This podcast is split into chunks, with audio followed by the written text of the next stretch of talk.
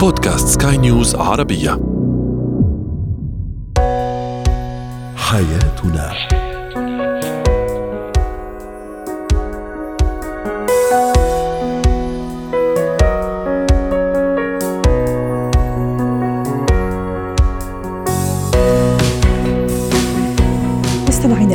أهلا بكم معنا إلى حياتنا. فضاؤكم اليومي الذي يعنى بشؤون الأسرة وباقي الشؤون الحياتية الأخرى والذي يمكنكم الاستماع اليه عبر منصة سكاي نيوز dot com سلاش بودكاست وباقي منصات سكاي نيوز العربية الأخرى. شاركونا عبر رقم الواتساب 00971 561 6223 معي أنا آمال شابه اليوم نتحدث عن الزواج في بيت العائلة.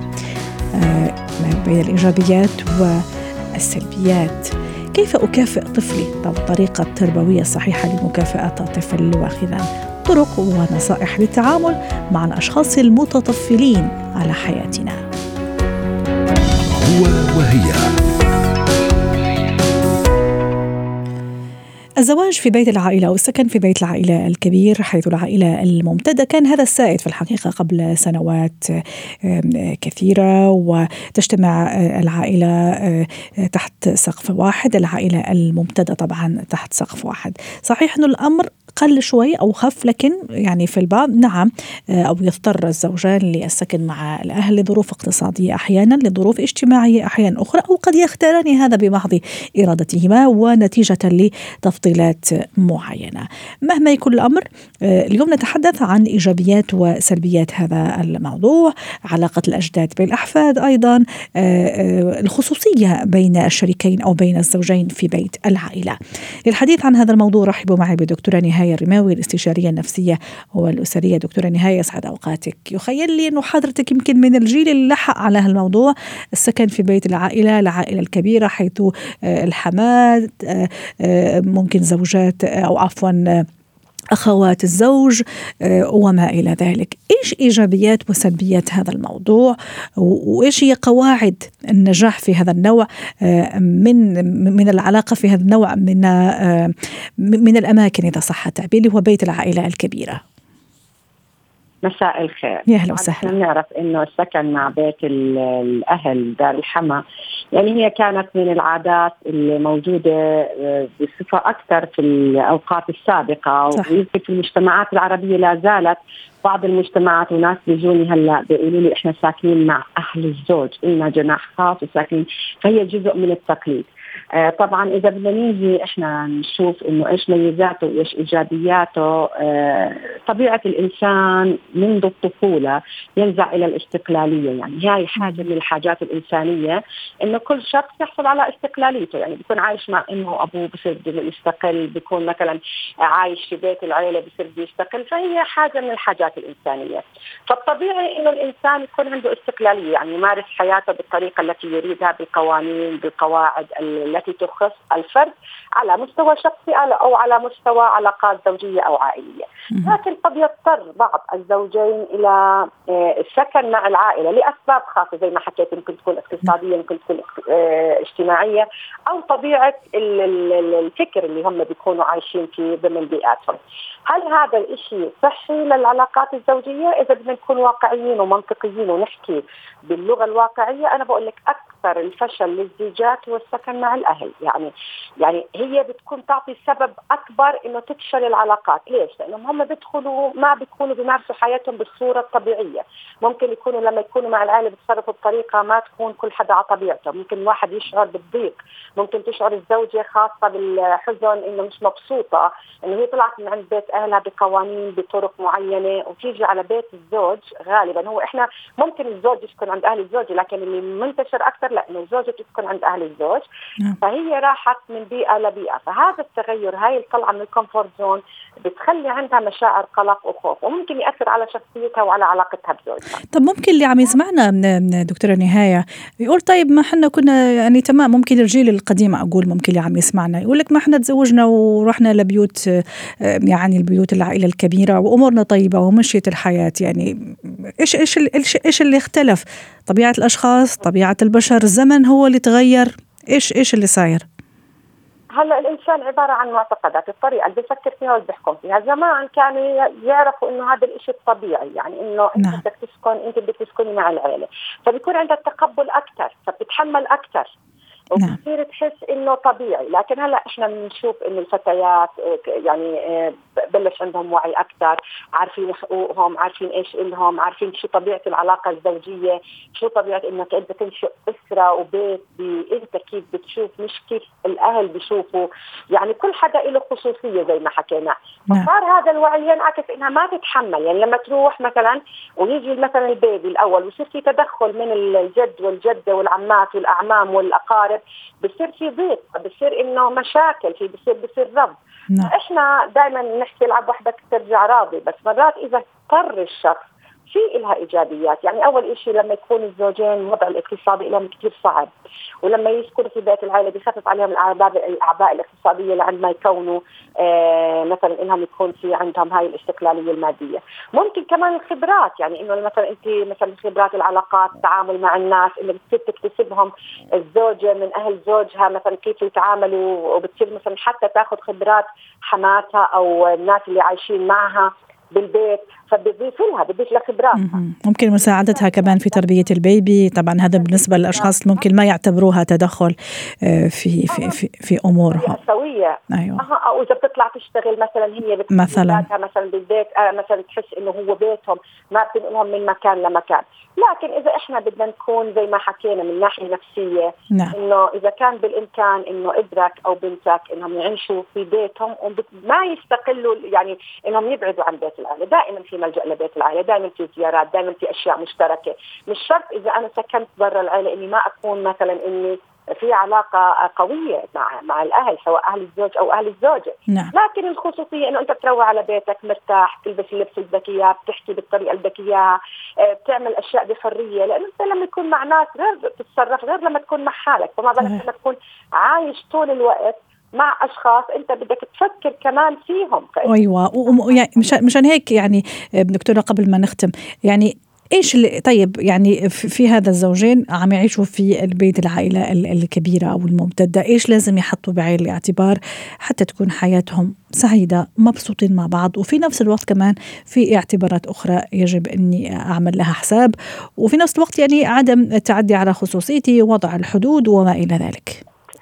تمام حكيتيها أنا لأنه أول شيء بدي أعرف حقوقي وواجباتي كل حدا لما يعرف لوين حدوده بيعرف كيف يتصرف مع الآخرين وبيسمح للاخرين يعني إذا مثلا كانت مثلا بتحس إنه في تدخل من أهل الزوج والأهل الزوج آه، أهل الزوج أو اخوانه أو مين ما كان تتفق مع زوجها إنه في أشياء معينة إنه يطلب منهم بطريقة ودية إنه تاخذ حرية تربية أولادها أو مثلا حرية إنه هي آه كيف مثلا تعيش بهذا البيت مثلا ضمن قوانينك لأنك انت عايش في بيتك كمان تعيش بقوانينه. نعم. ما تروحي على بيت الزوج له قوانين وتحاولي تغيريها بدك تتكيفي.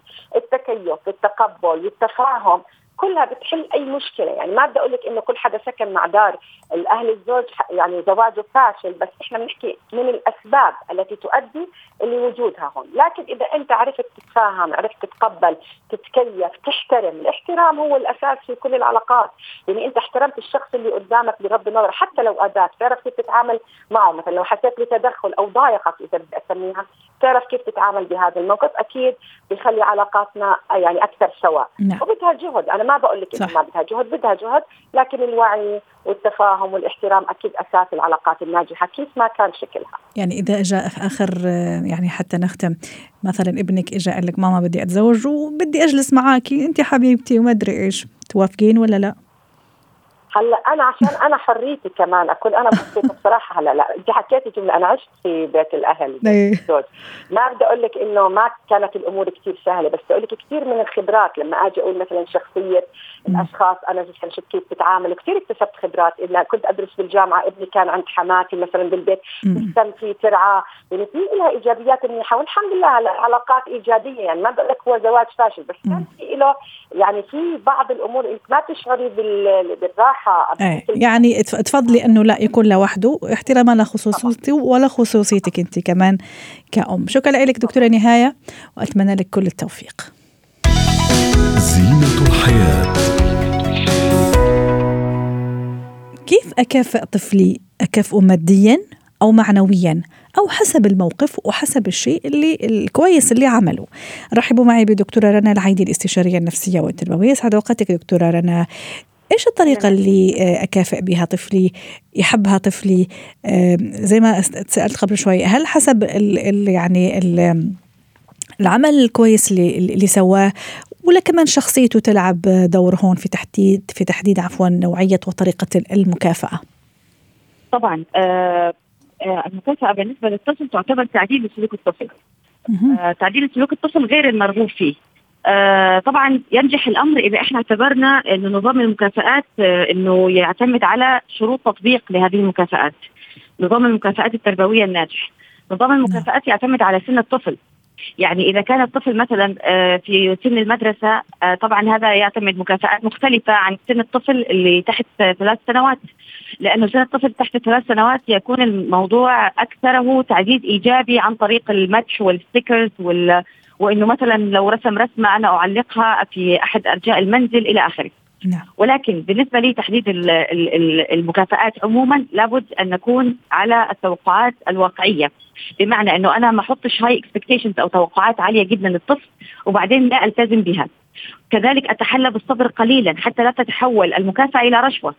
بمعنى أن الطفل هو الذي يساومني على السلوك الطيب أو السلوك حبيت جدا الوصف حتى لا تتحول المكافأة لرشوه أيوه طبعا. جميلة. طبعا في بعض الأطفال آه، يستخدمونها كادوات صح آه، حتى يعني ابتزازية يبتزون عاطفيا كمان في تصرفاتنا نحن فأصبح الأمر ليس تأديب للطفل ولكنه تأديب للأب والأم أصلا فلذلك الهدف الأساسي من المكافآت هو تغيير سلوك الطفل واتخاذ خيار أفضل حتى نستطيع تعزيز إيجابي آه، بعيدا عن التعزيز السلبي. جميل. أنا أزاحم السلبيات بالإيجابيات. رائع. لأنه في أحد المبادئ تقول التخلية قبل التحلية. فأنا في البداية حتى أعزز السلوك الإيجابي اولا أتأكد انه طفلي قد تخلى عن السلوك غير المرغوب فيه وأول ما يقوم بسلوك مرغوب فيه أو سلوك أنا اتفقت معاه عليه على طول تكون المكافأة في نفس الوقت بنعملها برضه يا أستاذة أمال في العقاب ما ينفعش أنا أعاقب الطفل بعد فترة ولكن العقاب يكون في وقت الخطأ نعم. حتى يستطيع أن يميز أنه تم عقابه لهذا السبب لأن الأطفال في السن الصغيرة لا تستطيع أن تميز هذا الأمر. فمن المهم جدا أن حتى المكافآت لا تكون فقط مادية ولكن قد تكون المكافآت بالتعليقات الإيجابية الاطراء صحيح. بالألقاب صحيح. بالمديح بالابتسامة بالعناق بالقبلات. كل هذه الأمور والمكافآت تكون موجودة أيضا حتى يستطيع الطفل آه، أن يكون متحمسا للسلوك المرغوب فيه. جميل، فتحتي لي الطريق لاتساءل إنه الاثار الإيجابية لهذا المكافآت، عدا أنه يشعر بسعادة كبيرة وتشوفيها بعيونه وبضحكته وبابتسامته. إيش كمان ال ال ال يعني الإيجابيات اللي راح تكون ويخلفها هذا النوع من المكافآت سواء مادية أو معنوية من ناحية سلوكية أنا أقصد دكتورة رنا ونفسية أيضا. نعم. آه الأطفال في العمر اللي في آه يعني اللي هم الصغار ولكن في عمر المدرسة يستجيبون أكثر للمكافآت المادية الملموسة. آه إنه أنا أستخدم معاهم أموال ورقية مثلا. نعم. حتى في في العيدية لما بياخذوها في العيد بتلاقيهم دائما بيحطوها جنبهم ويقعدوا يعدوها برغم إن هي بسيطة. ولكن ممكن يتباهى بها كمان أمام إخواته أصحابه أولاد خالته مثلا أولاد خاله. طبعا. فهو مثلا ممكن يعتمد أسلوب التحويش وده برضه أنا بعلم ابني من خلال القصة دي إن أنا بعلمه إزاي يستثمر فلوسه وهو حصل على مكافأة اللي هي الفلوس. عشان يحصل على مكافأة أكبر اللي هي اللعبة صح. هيجيبها من خلال فلوس. يعني وزرع روح المثابرة كمان في الطفل لأنه أكيد رح يعمل على إنه ما دام استخدمنا مبدأ الثواب. إيه والعقاب روح المثابرة. الثقة كمان ما تشوفي دكتورة رنا إنه روح تعزز ثقته بنفسه إنه أنا عملت شيء كويس ماما كافئتني أو بابا كافئني. اي إنه أنا في اعمل مشان هيك أنا يعني تلقيت هالمكافأة لأني عملت شيء كثير كويس وبالتالي تعزيز الثقة في نفس الطفل. طبعا طبعا. كذلك أمر المراهقين في سن المراهقة. أنظمة المكافآت آه، يعني تكون يعني بعضا آه، من الشيء معقده أكثر. صح وممكن رح نفرض لها مش ممكن أكيد آه، رح نفرض لها إن شاء الله موضوع أو عنوان ويعني فقرة لأنه فعلا تكون شوية معقدة بتعرفي طبيعتهم اختلافاتهم خاصة كمان الجيل الجديد يعني رغبتهم مختلفة احتياجاتهم مختلفة وأهوائهم كمان مختلفة. شكرا لك دكتورة رنا العايدي ضيفتي العزيزة من القاهرة الاستشارية التربوية وأتمنى أتمنى لك أوقات سعيدة. مهارات الحياة. الأشخاص المتطفلين على حياتنا كيف نتعامل معهم بذكاء من غير ما نخسرهم وفي نفس الوقت من غير ما يشكل لنا الموضوع إزعاج. رحبوا معي بتانيا عوض غرة مدربة مهارات حياة ضيفتي العزيزة من بيروت. أستاذة تانيا متى؟ يا أهلا وسهلا.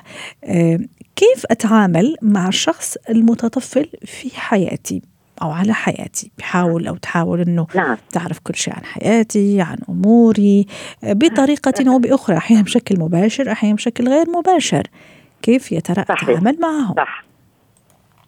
آه، اولا علي أن أحدد ماذا أريد أن أشارك وما لا أريد أن أشارك ومع من يعني طالما أنا عارفة يا سلام عليك. يعني أنا أنا في البداية حددت.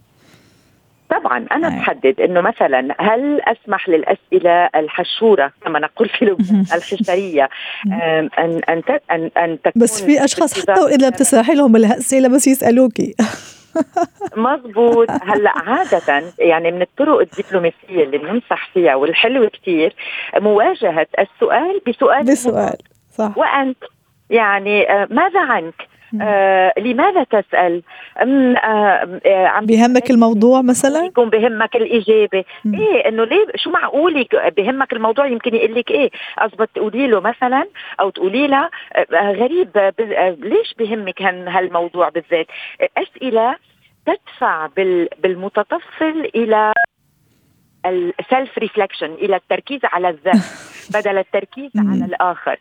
يعني أنا يعني بتندميه إنه سألك. ما هو يحطني بالسؤال هيدي من الطرق الدبلوماسية الجميلة جدا والتي لا تؤذي. هلأ بمكان آخر أنا أيضا كإنسان عبر شبكات التواصل أو عبر حياتي الخاصة هنالك حدود غير مرئية أرسمها.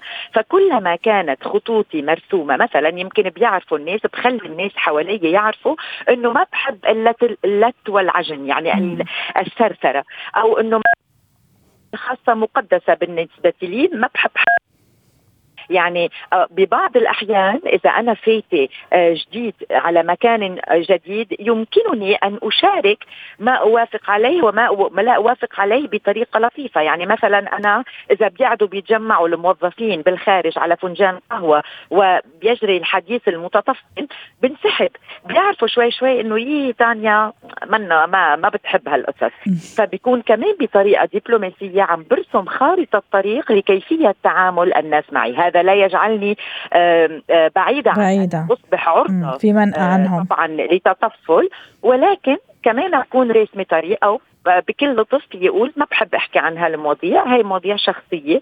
آه، وأيضا بتضل طريقة السؤال المضاد هي الأفضل لهالأشخاص إذا كانوا كل يوم عم بيسألونا ودائما بدهم يتدخلوا إلى ما هنالك. بس الخطوط الشخصية حدودي غير المرئية آه، يمكنني رسمها مع الأشخاص من حولي حتى بصراحة مع أقرب الناس لي. نعم. يعني حتى مع أقرب الناس إلي أنا بيعرفوا أنه في مكان هيدا ما بنقرب عليه وهذا اللي كنت كمان راح أفتح الموضوع النقاش تانية آه، يختلف الأمر إذا كان مع شخص جدا قريب مني وعنده هذا الصفة اللي أنا مثلا ما أحبها و يعني مزعجة بالنسبة لي أو شخص لا يعني معرفتي به جدا سطحية ومش على احتكاك وتواصل دائم به أو, أو معاها يعني. مما لا شك فيه أن العلاقات القريبة أو الوطيدة تجعل الأمور أكثر تعقيدا في الإجابة وفي الريسبونس إليها. ولكن لا تجعلها مستحيلة. يعني مثلا آه، آه، مع الأشخاص المقربين أنا أسمح لنفسي أن أسأل عن النية. هل هي نية اطمئنان علي؟ أم هي نية آه، السؤال الحشري؟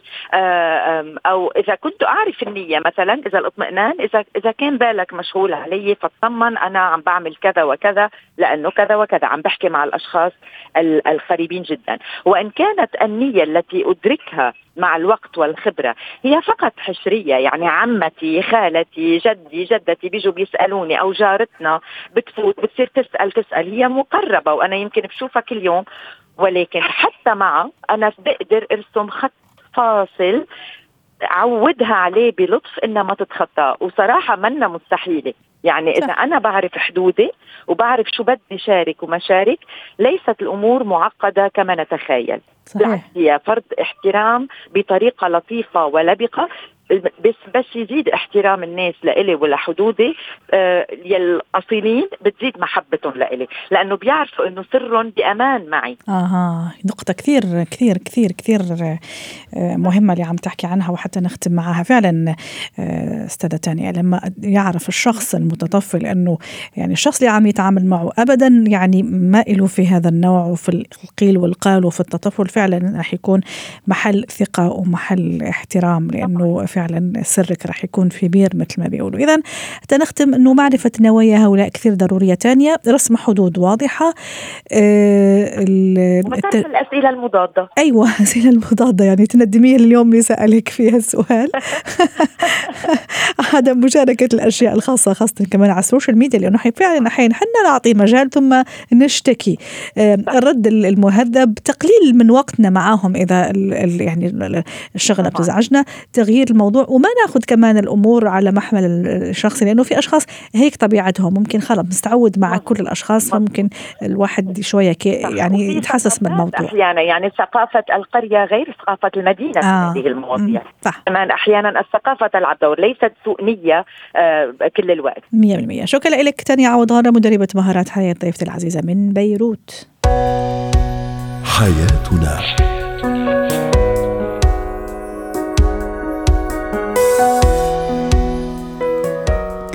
ختام حلقة اليوم من حياتنا. شكرا لكم وإلى اللقاء.